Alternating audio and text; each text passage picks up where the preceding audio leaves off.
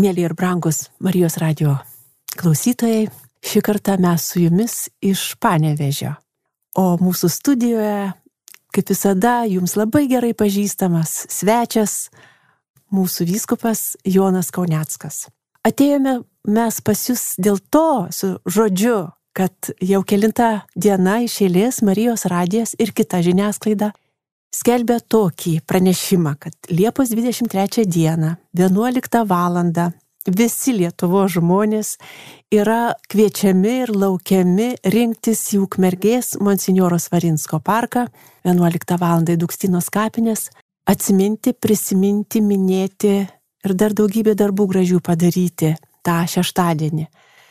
Tai mes šiandien ir norime dar kartelį glaustis prie to labai gražaus skelbimo, kuriame telpa viskas ir mūsų atmintis, ir mūsų istorija, ir mūsų tikėjimo kelionė, ir mūsų pasiryžimai, ir mūsų viltis į Lietuvos ateitį. Dar kartą mes norim kalbėti su jumis ir labai gera visada kalbinti ganytoją mūsų Joną Kaunecką, nes kaip ir daugybė dalykų susijusių su Lietuvos istorija ir su atmintim ėjo per vyskupo gyvenimą. Taigi, mielas ganytojau, atiduodami jums eterį ir su vienu klausimu. Monsinjoro Svarinsko parkas, kuris turi kelis pavadinimus, jūsų kelionė kartu su Monsinjoru Svarinsku ir jūsų įsipareigojimas dabartiniu laiku irgi tam pačiam Monsinjoro Svarinsko partizanų parkui.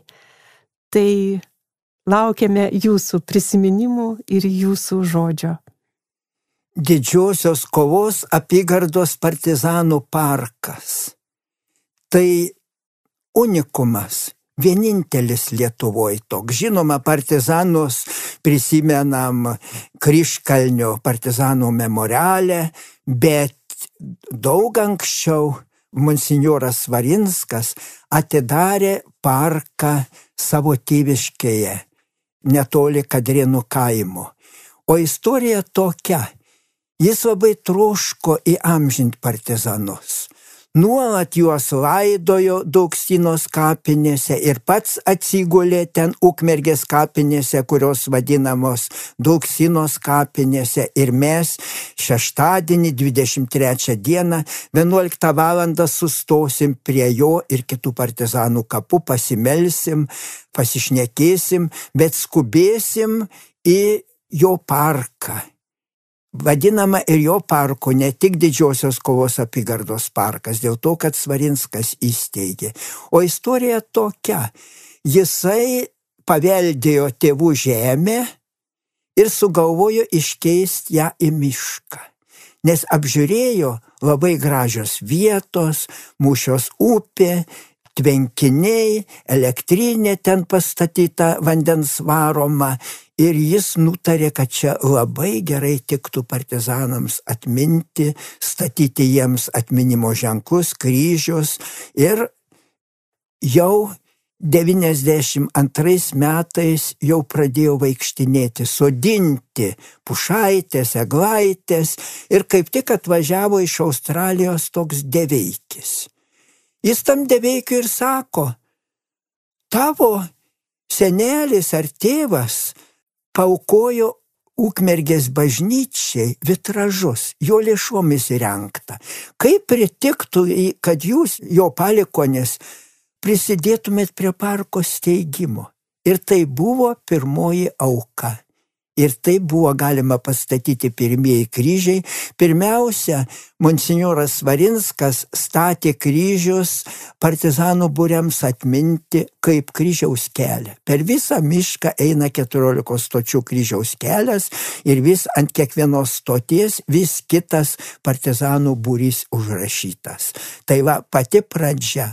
O paskui jau statoma ir partizanų motinoms atminti, ir Reiganui, Amerikos prezidentui, nes Reiganas labai užtarė pas TSRS, reiškia partijos pirmininką Gorbačiovą, užtarė, reikalavo, kad paleistų Svarinską ir išreikalavo, tai va, Svarinskas pirmičiausia ir stengiasi pastatyti kryžių Amerikos prezidentui Reiganui. Jis nuvažiavęs paskui Ameriką, su juo pasimatė, taip pat stovi kryžius koplytstulpis ir popiežiui Jonui Pauliui II ir, ir daugybė kitų. O man jau tenka ten melstis dvidešimtąjį kartą. Nes kaip tik mane Dievas atvedė į Panevežį, į Panevežį viskupiją netoli Ukmergės, Svarinskas iš karto ėmė prašyti. Atvažiuok kasmet ir vadovauk mišioms Svarinsko parke. Tai aš iš pradžių e, vadovavau visą laiką, o paskui Svarinskas dar tiesa, jau lygotas jau, jausdamasis, tiesiog maldavo mane, kad jį pavaduočiau kaip partizanų kapelioną, kaip partizanų dvasios tėvą, kad rūpinčiaus palaidoti išmėtytus partizanų kaulus, kai jie randami, kad po visą Lietuvą važinėčiau, kad atstovaučiau e, partizanų dvasios tėvą ir aš stengiuosi tą vykdyti. Ir Kol Svarinskas buvo gyvas, aš visada vadovavau pamaldom, o po Svarinsko mirties kviesdavau ir kitus viskupus, viskas met vadovauja kiti viskupai. Taigi ir šį šeštadienį Liepos 23, 12 val. pamaldoms vadovaus apaštalinis nuncijus Artur Peter Raitš pamaldoms vadovaus už partizanus. Ir bus šventoji Brigitos diena, kaip tik yra šventė, šventoji Brigita yra Europos globėja, tai labai tinka tokią dieną melstis. Nu ir po mišių iš karto bus kronikos paminėjimas, dėl to, kad šiais metais kronikos metai, ten vienas lektorius paskaitys pranešimą, pasisakys truputį kardinolas Sigitas Tamkevičius, o po to mano parašytos atsiminimų knygos pristatymas. Aš toje knygoje prisimenu nuo ankstyvos vaikystės visą savo gyvenimą ir, ir dalyvavimą Lietuvos katalikų bažnyčios kronikos leidime ir įsijungimą įtikinčių teisėms ginti katalikų komitetą kartu su kardinolu Tamkevičium ir daugybė, daugybė kitų dalykų. Ir kaip aš stengiausi išmokti vokiečių kalbą, kaip lietuvių kalbą geriau išmokti stengiausi. Viskas tas surašyta. Ir be abejo, vedėjai šito renginio pateiks e, kitokią medžiagą, papasakos ką nors. Tai tikiuosi, kad mėly Marijos radio klausytojai, jeigu jūs negalite atvykti į tą Svarinsko parką, paraginkit jaunesnius. Tikimės, kad daug žmonių susirinks. Bus galima ir įsigyti mano prisiminimų knygą ir gauti ją su mano parašu. Taigi kviečiame Visus iš širdies kviečiame. Gaila, kad mes jums negalime parodyti ant stalo mūsų studijoje tikrai reto gražumo knyga, labai skaidri, labai šviesi, besišypsančių vyskupų. Ir iš tikrųjų, jeigu taip labai trumpai ganytoje, o kadangi negalim plačiai ir kalbėti, nes bus knygos pristatymas, manau, kad daugybė Lietuvos vietų. Man atrodo, tai jūsų gyvenimas tai yra ir Lietuvos istorija, ir bažnyčios, Lietuvos bažnyčios, o kartu turbūt ir visuotinės bažnyčios istorijos atkarpa, į kurią įrašyti visi svarbiausi mūsų, skaudžiausi mūsų gyvenimo įvykiai. Ir aš noriu jūs vėl sugražinti dar į Dukstynos kapines, nes lygiai dabar šiais metais aštuoneri metai, kai mes rinksimės į Dukstynos kapines, be monsinjoro, o prie monsinjoro. Ganytojo, kodėl kaip reta, kuris kunigas monsinjoras laidojosi arba išreiškė savo norą būti, gulėti amžinybės kalnelėje kartu su partizanais? Dėl to, kad jis pats buvo partizanas ir antras dalykas, jis visą laiką atkūrus Lietuvai nepriklausomybę skelbėsi, kad yra partizanų dvasios tėvas. Tuo labiau, kad jį Lietuvos vyriausybė paskyrė kariuomenės kapelionų vyriausių, o ir šiandien kariuomenės ordinariatas būtent vadovauja ir partizanų atminimui. Taigi čia viskas susiję. Tai va dėl to ir e, Svarinskas labai troško, kad šitai būtų tęsiama ir po jo mirties. Tai apskritai jūsų kelias su monsinjoru Svarinsku susikirto e, žymiai anksčiau, negu kad prasidėjo partizanų parko na, minėjimai, jūsų bendrystė toli siekia. Tai koksgi, monsinjoras? Dar aš dirbau melioracijos inžinierium susipažinau su Svarinsku, nes aš kaip visas Lietuvos jaunimas, gyvenantis gyvų tikėjimų ir siekiantis dvasinio gyvenimo, kreipdavosi kunigus, kad pravestų susikaupimą dvasinį, rekolekcijas tai kunigas Svarinskas tuo metu, kai kam pravedė daugiausia, tai kunigas Tamkevičius įgytas, Zdebskis. Tai va, nuo tų laikų dar toli gražu prieš seminariją aš su juo pažįstamas. Todėl ir kai mane priemi seminariją, aš rašau prisiminimuose. Tai net suko galva, kur mane dėti, nes e, kai kurie viskupai bijojo tų kunigų kovotojų, vadinamų ekstremistų draugo. Tai, tai čia jūs jau tas buvo. Jau aš buvau jų žino, žinomas visiems kaip tų kunigų e, vadinama ekstremistai, žinoma komunistinė valdžia, e, komunistai vadino juos ekstremistais, bet va nuotaikas tai tokias bandė sėti. Tai ganytoje beklausant ir dažnai be nu, apmastant, ką gali vienas žmogus Tai prisimenant ir jūsų istoriją, ir monsinjoro Svarinsko, e, kunigos Debskio, dar kelių žmonių, kurie Lietuvoje buvo saujelė tokių ekstremistų, vadinamų ekstremistų, bet jie, na, galima sakyti, kiek daug gali vienas žmogus net ir persekiojamoj valstybėje, Lietuvoje, kai persekiojamas pati lietuvybė, pats tikėjimas. Kaip ta drąsa iš kur jumise buvo? Ir dar atsakymas, kad vienas žmogus gali daug. Na, atsakymas, kai kas sakytų ir aš sakyčiau, kad pirmučiausia uždegė kunigas Alfonsas Svarinskas ir Tamkevičius. Bet kai aš pažvelgiu į savo gyvenimą, jau tą pasipriešinimo dvasę jaučiu nuo vaikystės. Juk vaikystėje aš mačiau išniekintus prie bažnyčios partizanus. Juk vaikystėje partizanus vadino banditais ir jų vardu plėšikavo apsimetę Vetrovo ir Sokolovo divizijos, e, rusiškos divizijos. Apsimesdavo partizanais ir žudydavo žmonės ir sakydavo, žiūrėkit, ką jūsų banditai daro. Dar anksčiau aš vaikystėje labai užsidegiau 1863 metų sukilėlių vadų istorijomis. Nežinau, iš kur aš buvau gavęs tų istorijų ir labai domėjaus. Priedo žinau, kad mano gimtinėje tiek Krinšino parapijoje, tiek Daujienų parapijoje ilgiausiai išsilaikė 1863 metų sukilėliai. Tai ten, ko gero, nuo vaikystės tai pasėta. Ir dar aš kokį įdomų dalyką pastebiu. Jeigu į mano gyvenimą žvelgi, aš savo prisiminimų knygos pradžioje rašau, kad man gyvenimas ar likimas ar kitos kokios jėgos aštuonis kartus sakė ne. Man likimas sakė, tu nebusi matantis, būsi aklas. Man, kai baigiau septynmetę, sakė, kad nebesimokysi daugiau, baigta, ne, taškas. Man taipogi sakė, kad tu kunigu nebūsi, nors nuo vaikystės norėjau.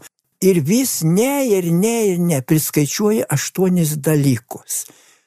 Betgi pagalvojus, ar tai ne Lietuvos likimas. Žiūrėkit, carų laikais buvusi Lietuvos didžioji kunigaikštystė, kai juos užgrobė rusai, kai susiskaldė po Liublino unijos. Buvo pasakyta, ne Lietuvos nebus. Niekas nebekalbės lietuviškai. Ir kiek sukilimų 1794, 1831, kaip leterytė jauna mergaitė, ne 25 neturinti kaip vadas išjojo vadovauti sukilėliams. Va neseniai mes kapčiamesti buvom, sustojom prie jos paminklo, prie jos kapo. Ar galima užmiršti tai? Bet tadagi Lietuvai po, po jų pralaimėjimo buvo pasakyta ne. Ir po 1863 metų sukilimo vėl pasakyta ne. Atimtas lietuviškas raštas. Ne, nebekalbėsit, neberašysit lietuviškai. O vėl komunistinė okupacija. Ar ne tą patį pasakė? Ne, nebebusit tikintis. Būsit kaip visi komunistinio įsitikinimo žmonės. Viskas baigta. Argi negalvojo, kad bus viskas baigta ir sausio 13? Maskva ar negalvojo? Bet viskas taip stebuklingai pasisuka, kad vis Lietuva, kaip Simonas Daukantas istorikas rašo, nu Lietuva yra tokia, praeina 30 metų ir vėl pakyla, trokšta laisvės, praeina 30 metų, užaugina jaunus žmonės ir tie, žinodami Lietuvos istoriją, ir vėl pakyla. Tai pakylo ir prieš sovietus. Tai ir partizanai tokia mintim pakylo. Ir po partizanų paskutinio žuvimo ir pogrindžio spauda irgi tas pats pakilimas. Ir Lietuvos katalikų bažnyčios kronikos įsteigimas arba tikinčių teisėms gynimo komiteto įsteigimas, argi netoji pati kovos dvasia. Ir tada Maskva sakė, komunistai sakė, su tuo bus viskas baigta. Mes susitvarkysim, juk numatė ir Svarinską, ir Tamkevičių, ir mane suimti. Buvo numatyta viską sunaikinti. Bet va, Dievui turim dėkoti. Kaip stebuklas. Tikras stebuklas ir kad sausio 13 tankai netriuškino žmonių, kaip triuškino Prahoje, kaip triuškino Tbilisi Tai stebuklas, kad nebeišdryso. Dėl to, kad žmonės labai meldėsi, gėdojo, kalbėjo rožinį maldose, būdėjo per naktis. Tai dėl to Dievas ištiesė pagalbos ranką ir Sovietų sąjunga sugriuvo. Ir mes laimėjom, mes laimėjom. Tai va turim ir džiaugtis Varinsko parke kad laimėjom. Liepos 23 iš tikrųjų jinai jau kiek metų iš eilės taikoma į Liepos mėnesį, nes Liepos 17 dieną 2014 monsinjoras Svarinskas iškeliauja pas viešpatį ir visą laiką na, stengiamasi susirinkti maždaug, na, kad atitiktų tą, tą datą. Ir tiesiog reikia pabūti tam parke, kad suprastum širdim, ne, ne kažkuo kitu, ne kažkokiais išskaičiavimais, kad mes tik tuo esam gyvi, kiek atmenam, kiek saugom atminimą, nes iš čia ir mūsų ta stiprybė. Ir ganytojo, aš vėl dar vis noriu prie monsinjoro sustoti, kaip ir apie jūs turbūt yra daugybė kalbų, tai kaip ir apie monsinjorą, piktas, negeras buvo, dar kažkoks, tai, kad, kad labai piktas sakydavo, kad labai, na, šaukiantis, lik ir kraujo norintis. Tai, o iš tikrųjų jūs jį pažinojot Taip Svarinskas labai kategoriškai išsireikždavo. Sakydavo, kad tie, kurie pasiduoda komunistiniai ideologijai, yra dvasinės prostitutės. Tiesiog šitaip išsireikždavo. Ir kai Lietuva atgavo nepriklausomybę, jis labai priešinosi Brazausko išrinkimų prezidentui ir netgi kategoriškai pasielgė sukurstė tikinčio žmonės, neįleido Brazausko inauguracijai į Vilniaus katedrą.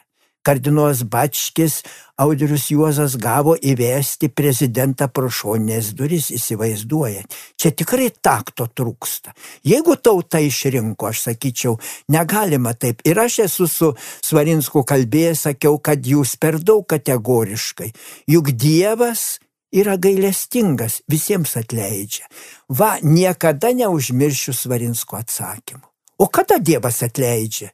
Jeigu žmogus prisipažįsta kaltas, atsiprašo ir prašo atleidimo, tegu tie komunistai Brazauskas ir kiti, kurie smaugia Lietuvą, prisipažįsta, tai padarė, tegu prašo tautos atleidimo. tada aš ant jų nešauksiu. O kitaip, kaip aš nešauksiu. Dievas niekam netleido, jeigu žmogus netliko išpažinties, neprisipažino. Tai aš negaliu patikrinti, ar žmogus atliko išpažinti ar ne, bet kadangi buvo viešai tauta persekiojama, tai turi viešai jie ir prisipažinti. Viešai turi prisipažinti tiek Brazauskas, tiek kiti, kurie bendradarbiavo su komunistais, turi prisipažinti, kad nusikauto tautai ir su ašarom akise turi prašyti, kad tauta atleistų. Garantuotai tada tauta žiūrėtų į juos su pagarba. Tai aš galvoju, kad šitas Varinsko mintis galioja ir šiandien. Juk skleidžiama visokių kalbų, kad tas ar ta dirbo su, su komunistais. O kodėl neišdrįsta to prisipažinti? Juk galų gale ir su kunigais taip atsitikdavo. Va, Kaišėdur viskupijos kunigas Rokas Puzonas. Labai troško į seminariją. Bet jam pasakė saugumas tarybinis, komunistinis. Į seminariją tave priimsim tada, jeigu tu pasirašysi, kad su mumis bendradarbiausi. Pasirašė jisai. Na, bet tapo kunigu ir galvoja, ne, taip negali būti. Jis viešai iš sakyklos paskelbė žmonėm. Aš kaltas prieš tautą. Pasižadėjau bendradarbiauti su komunistais, kurie mūsų tautą engė bet dabar nebenoriu, tegu mane ir užmuša. Taigi žmonės sakė, kad nuostabų dalyką padarė. Todėl šitoj vietoje aš noriu prisiminti Telšių viskupijoje Žemaitijoje kuniga Leona Šapoka. Jisai man vieną kartą sako, aš pasirašęs, aš išdavinėjau kunigus. Ir dabar man saugumas sako, ir dabar tu turi dirbti jeigu tu to nebedarysi, tau mirtis. Tau, žinok, laukia mirtis, tau to nedovanosim. Kaip man daryti? Aš tada jam patariau Varoko Puzino pavyzdžių. Sakau, prisipažink iš sakyklos. Ir žinok, saugumas nieko nedarys, nes jie daro viską, ko žmonės nežino, slapta. Vargšas. Vargšas. Jis leido Dievas ir tėvynė laikraštį slaptą. Ir ten aprašė vieną kunigą, kuris buvo pardavęs savo sąžinę komunistams ir sekė kitus kunigus.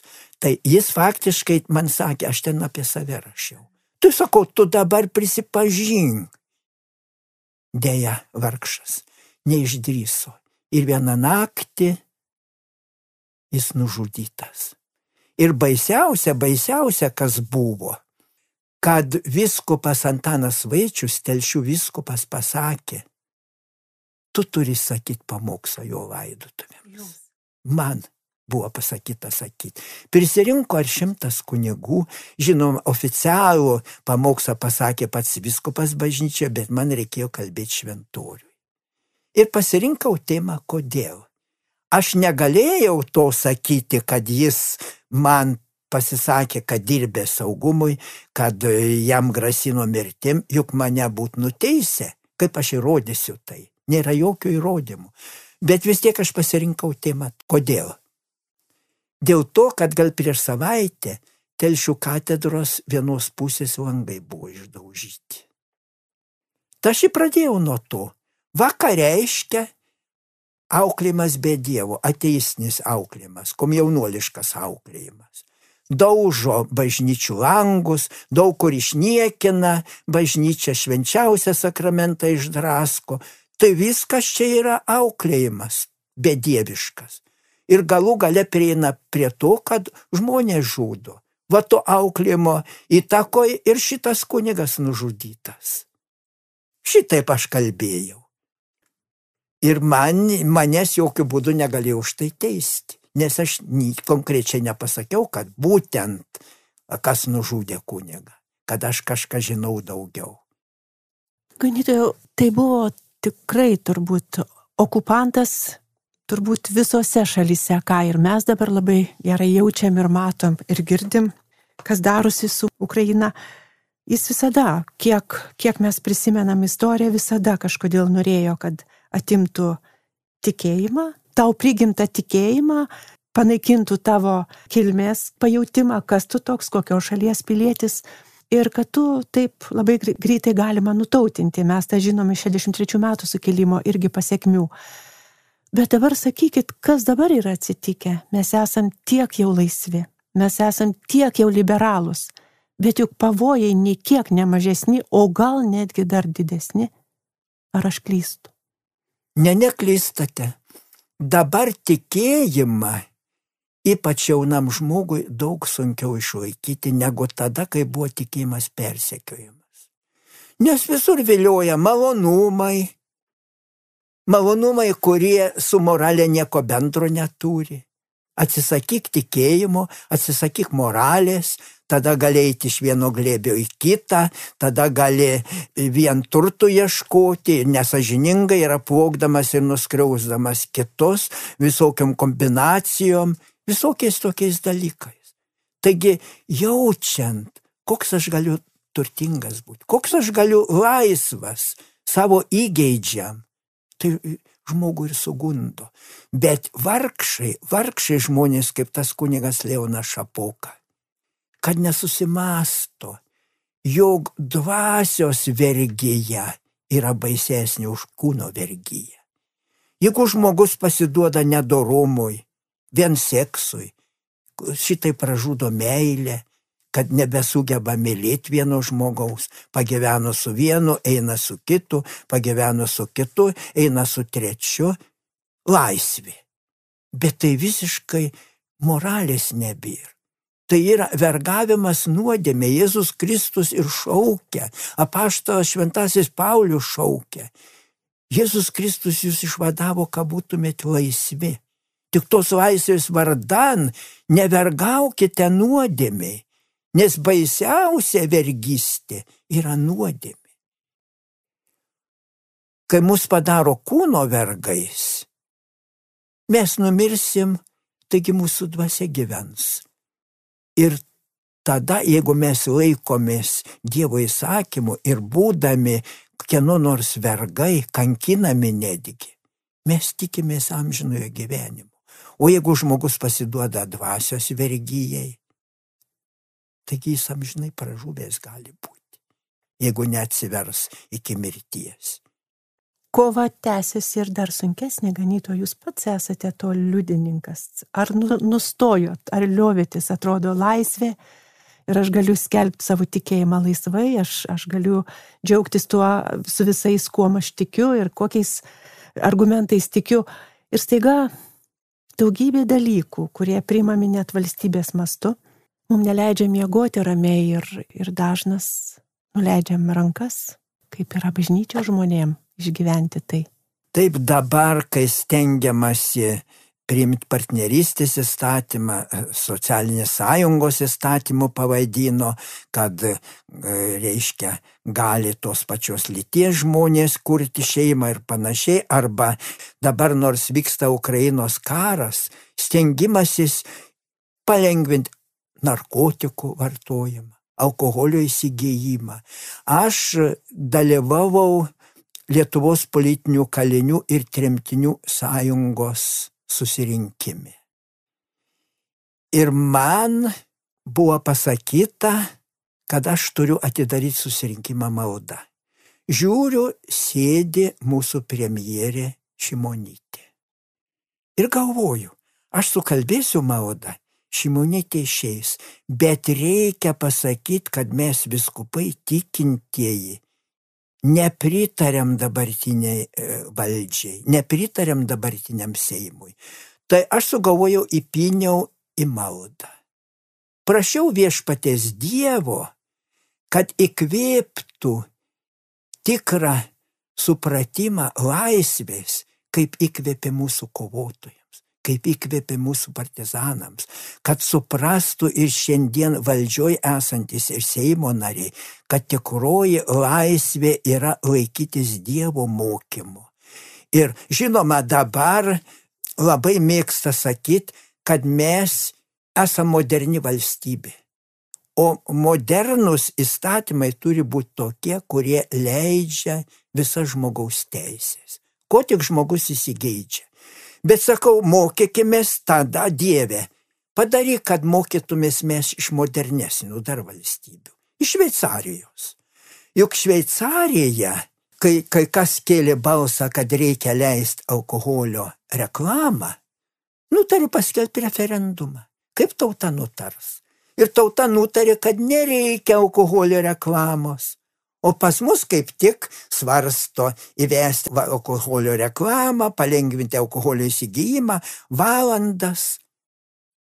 Tai iš ko mes mokomės, ar tikrai iš modernių valstybių?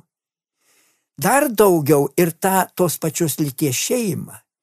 Šveicarija irgi ruošiasi paskelbti referendumą. Ar žmonės pritars? Garantuotai nepritars. Tai Dieve, įkvėpk mūsų valdančius, įkvėpk mūsų Seimą, kad susimastytų, ko reikia mūsų tautai, kad įsiklausytų į tautos balsą, kad nešauktų, tauta mums pritarė. Netiesa, tauta nepritarė. Juk kodėl jis ir buvo surinktas e, tas didysis šeimos maršas. Aš parašiau tada atsišaukimą, kad tam maršui pritariu, nes Stambulo konvencija, kurią stengiasi Seimas priimti ir kelis kartus bandė, ir tas partneristės įstatymas iš tiesų greuna šeimą. Ir žmonės tiesiog verkia, bijodami padarinių.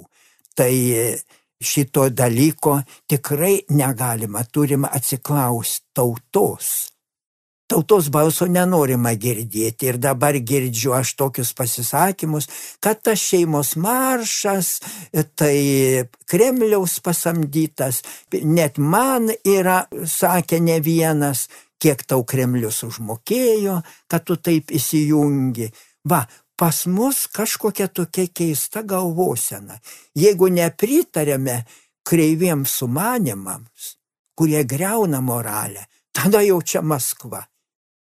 Taigi Maskva atvirkščiai stengiasi viską kursti tarp mūsų. Žinoma, gali kilti tarimas, kad jeigu tu čia kalbi prieš valdžią, gal tave kas sukursti. Va, iš šiandien pasisakymo aišku, mane kursti lietuvių kovos duose už tikrą laisvę, už tikrą žmogų, už tokį žmogų, kuris nepasiduoda visokiams vergyjoms. Tai dėl to ir jūsų knygos pavadinimas. Prieš visus vėjus vėjai, nepriklausomai turbūt nuo ar mes, mūsų valstybė laisva ar nelaisva, ar mūsų darbai kilnus, ar ne visada kilnus tai pačiai valstybei tarnaujant, jūs visada garsiai sakot, prieš visus vėjus, tą patį kartojat, žmonės, be tikėjimo, mes neturim ateities, ne pagal mano norus, ne pagal tai, kaip man norisi man kaip tokiam, bet yra dalykų, kurie mus turi drausminti, yra dalykų, kurie, kurie yra sunkiai gal kai kada ir priimami, bet yra Dievo žodis. O Dievo žodis sako visokiai nuodėmiai, kuri dabar labai stengiamasi padaryti kaip laisvė, ką nori daryti. Visokiai nuodėmiai Dievas sako ne, o teisingam, doram gyvenimui taip. Tai va, Dievas šito reikalauja iš mūsų žmonių. Aš sutinku tikinčiųjų ir net skaičiau spaudoj, feisbuke, kai kurie žmonės priekaištauja viskupams, kodėl jie tyli. Ne netiesa, kad tyli viskupai. Juk prisimenu, kai kylo labai aštrus bandymas Stambulo konvenciją ratifikuoti kai Lenkija pasisakė ne, nors buvo ratifikavusi, vis tiek pasisakė ne, o kitos, kitos valstybės pasisako taip, kardinolas Sigito Tamkevičiaus pareiškimas. Mes jau tą pergyvenom 1940 metais. Mes priėmėm rusų okupacijas, komunistų okupaciją be pasipriešinimo. Lietuva Latvija, Estija. O Suomija pasakė ne. kariavo ir jį laimėjo. Ir dabar Stambulo konvencijai sako Lenkija ne. O pas mus Baltijos valstybėse nori taip, kaip kitose sakyti. Tai ar mes nepralaimėsim taip, kaip tada pralaimėjom? Ar nebus vienintelė laimėtoja Lenkija? Taigi šitas kardinolas Tamkevičiaus Sigito pareiškimas, kas nori, e, e, yra viešas internete, kas nori, gali susirasti. Taigi va, viskupai netyli. Be to, viskupaigi paskelbė šeimos deklaraciją šiluvos atlaidų metu. Kodėl tada sako, kad viskupai tyli? Žinoma, kiekvieną dieną tą patį kalbėti, tai gali tik tokie akiplėšos kaip aš. Kasdien gali kalbėti. Aš be, beveik kiekvieną kartą ir Marijos radijai įpinu tuos dalykus, gal per daug jau turiu tiesiog Marijos radijo klausytojų ir atsiprašyti, kad net ir tų prisiminimų knygoje aš galų galę ten atsiprašau, kad gal ką suerzinau, kad, e, kad tokiu atveju, kai mane prisiminsi tokią akiplėšą, bent pasimelskite už mane. Kągi, prieš visus vėjus per visą savo gyvenimą. Tai Artėjant mūsų laidos pabaigai mes vėl prisimenam, kad šis šeštadienį, Liepos 23 dieną, 11 val. visi geros valios žmonės yra laukiami Ukmergės rajone Dukstinos kapinėse. Ten, prie partizanų kapų, ten, kur ilsisi monsinjoras Varinskas, man atrodo, mūsų pasiryžimai būna labai šviesus ir kilnus.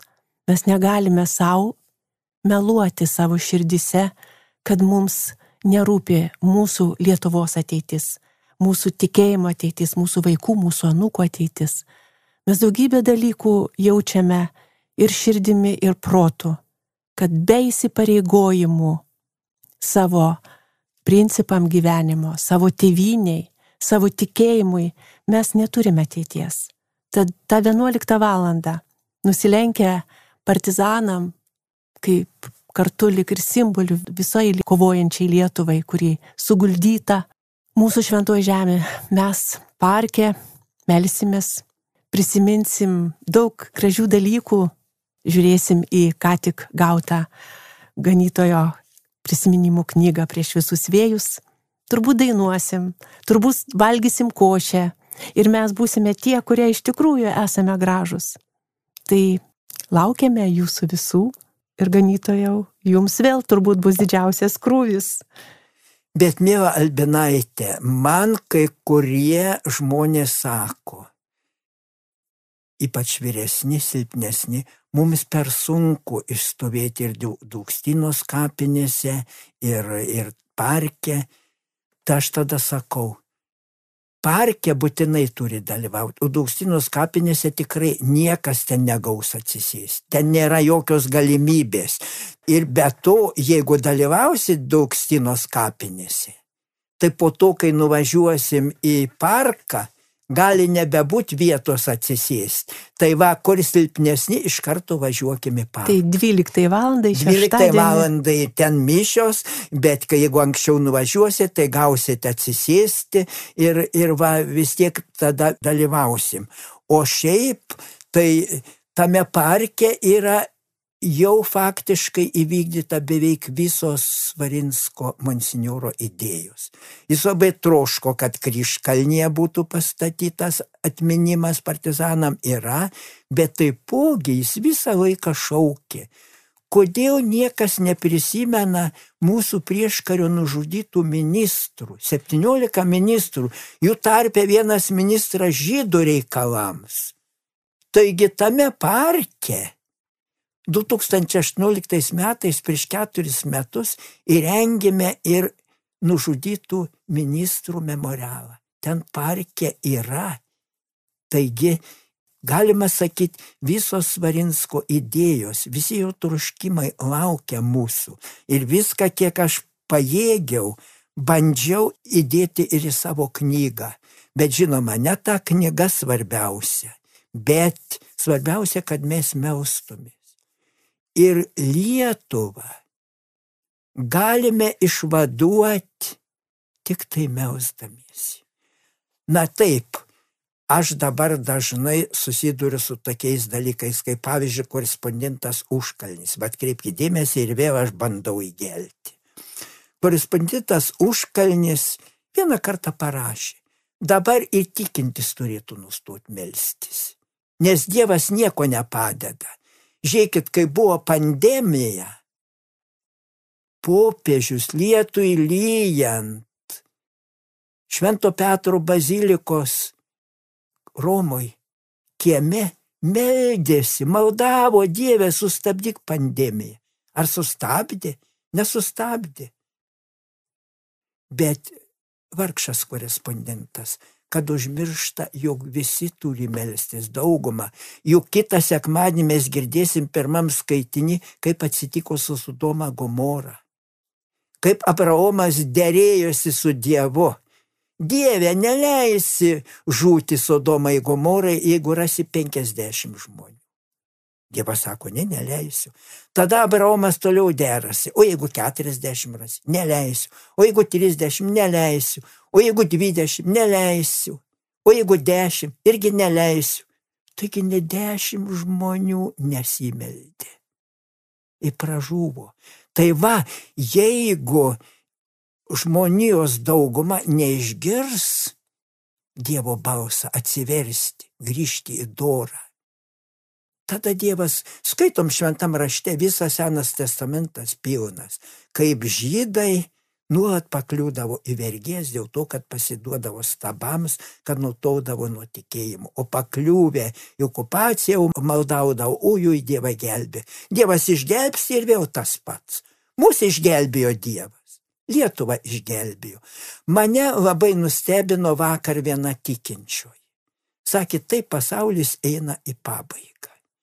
Ta moralė tokia baisi, juk pagal šventą raštą, kai nuodėmė viršis gėri, tada bus pasaulio pabaiga. Bet Lietuva buvo išgelbėta, dabar daug žmonių besimelžiančių ir turėtų bent Lietuvą Dievas išgelbėti. O, o šventas raštas, va, ateinantį sekmadienį klausia Abraomas, Dieve, negi su tais visais nedorėliais turėsi žūti ir tiems teisiesiams, kurie meldžiasi. Dievas sakė, ne, neleisiu, bet reikia, kad jų būtų nors dešimtadalis, nors dešimt iš tos daugybės.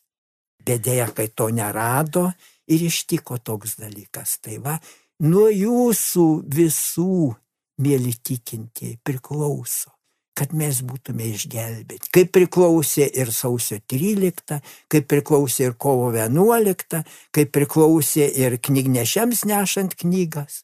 Buvo daugybė žmonių besimeldžiančių, juk mokė iš maldaknygių katekizmo ir atsilaikėm. Taip ir dabar tikrai atsilaikysim, ištversim ir šitą savo nuotaiką kovos nuotaiką, pasiryžimo kovai už gėrį nuotaiką ir patvirtinkim partizanų parke, melsdamiesi visi kartu. Taip, jūsų visur laukiam Liepos 23 dieną, 11 arba 12 val. pačiam parke. Ir dar kartą te būna liūdimas, kaip ir monsinjoro Svarinsko svajonė buvo jame užgimusi dar sėdint lageriuose kur nieko atrodo nebebuvo galima tikėti tą laisvą Lietuvą ir laisvą mintim, jis svajojo pagerbti partizanus ir juos išaukštinti. Taip ir įvyko per vieno žmogaus didžiulį norą ir pasiryžimą. O mūsų yra daug. Tai ačiū Jums visiems, ačiū mūsų ganytojui ir iki sustikimo ukmergiai. Jūs pažadinot man dar vieną prisiminimą. Svarinskas prisiminimas rašė, kad lagerį jau projektavo svajojo pastatyti tenai koplyčią partizanams pagerbti. Bet dabar koplyčia, galima sakyti, yra tas parkas po atvirų dangom. Senovės lietuviai meldėsi po atvirų dangom. Čia tarsi atsiliepimas į tą senąją Lietuvą. Ir mes melsimės po atvirų dangom. Gal kada, jeigu Lietuva tikrai dvasia atgims, gal kada ten ir koplyčia kas pastatys, ten yra pakankamai vietos. Bet dar baigiant, aš ypatingai noriu padėkoti Ukmergės mėrui. Labai kilo visokių kalbų, kad ten nepaprastai gražios vietos - upė, tvenkiniai, ežerėliai, kalneliai, kad ten gali kilti daugeliu pavojus privatizuoti. Ukmergės meras padarė nuostabų dalyką. Parką priskyrė prie Ukmergės muziejaus. Kiekvienas ten paminklas, kiekvienas koplytstulpis turi QR kodą. Aš išbandžiau. Nuskenuoji tą kodą mobiliuoju išmaniuoju telefonu ir visą istoriją žinai to paminklo. Taigi, netikiu, kad Lietuvoje kada nors muziejus naikintų. Netikiu tuo tai jau tas parkas tokiu būdu apsaugotas, net jeigu ir meras pasikeistų. Va, vėl koks nuostabus dalykas. Dievas viską patvarko per ištikimus žmonės, per tokį ištikimą monsignorą, taip uoliai tikinti, taip atsidavusi Lietuvos laisviai, monsignorą Alfonsą Svarinską. Na, o šalia jo atsistoja ir net rajono meras, kuris tikrai nusipelno pačių gražiausių žodžių už tą gražų tylų, bet labai įtaigų darbą - atminti, saugoti, neužmiršti. Tad dar kartą jums sakom sudė. Ačiū visiems klausytojams Marijos radį ir Dievo palaimos. Te palaimina jūs visagali Dievas tėvas ir sunus ir šventoji dvasia. Amen.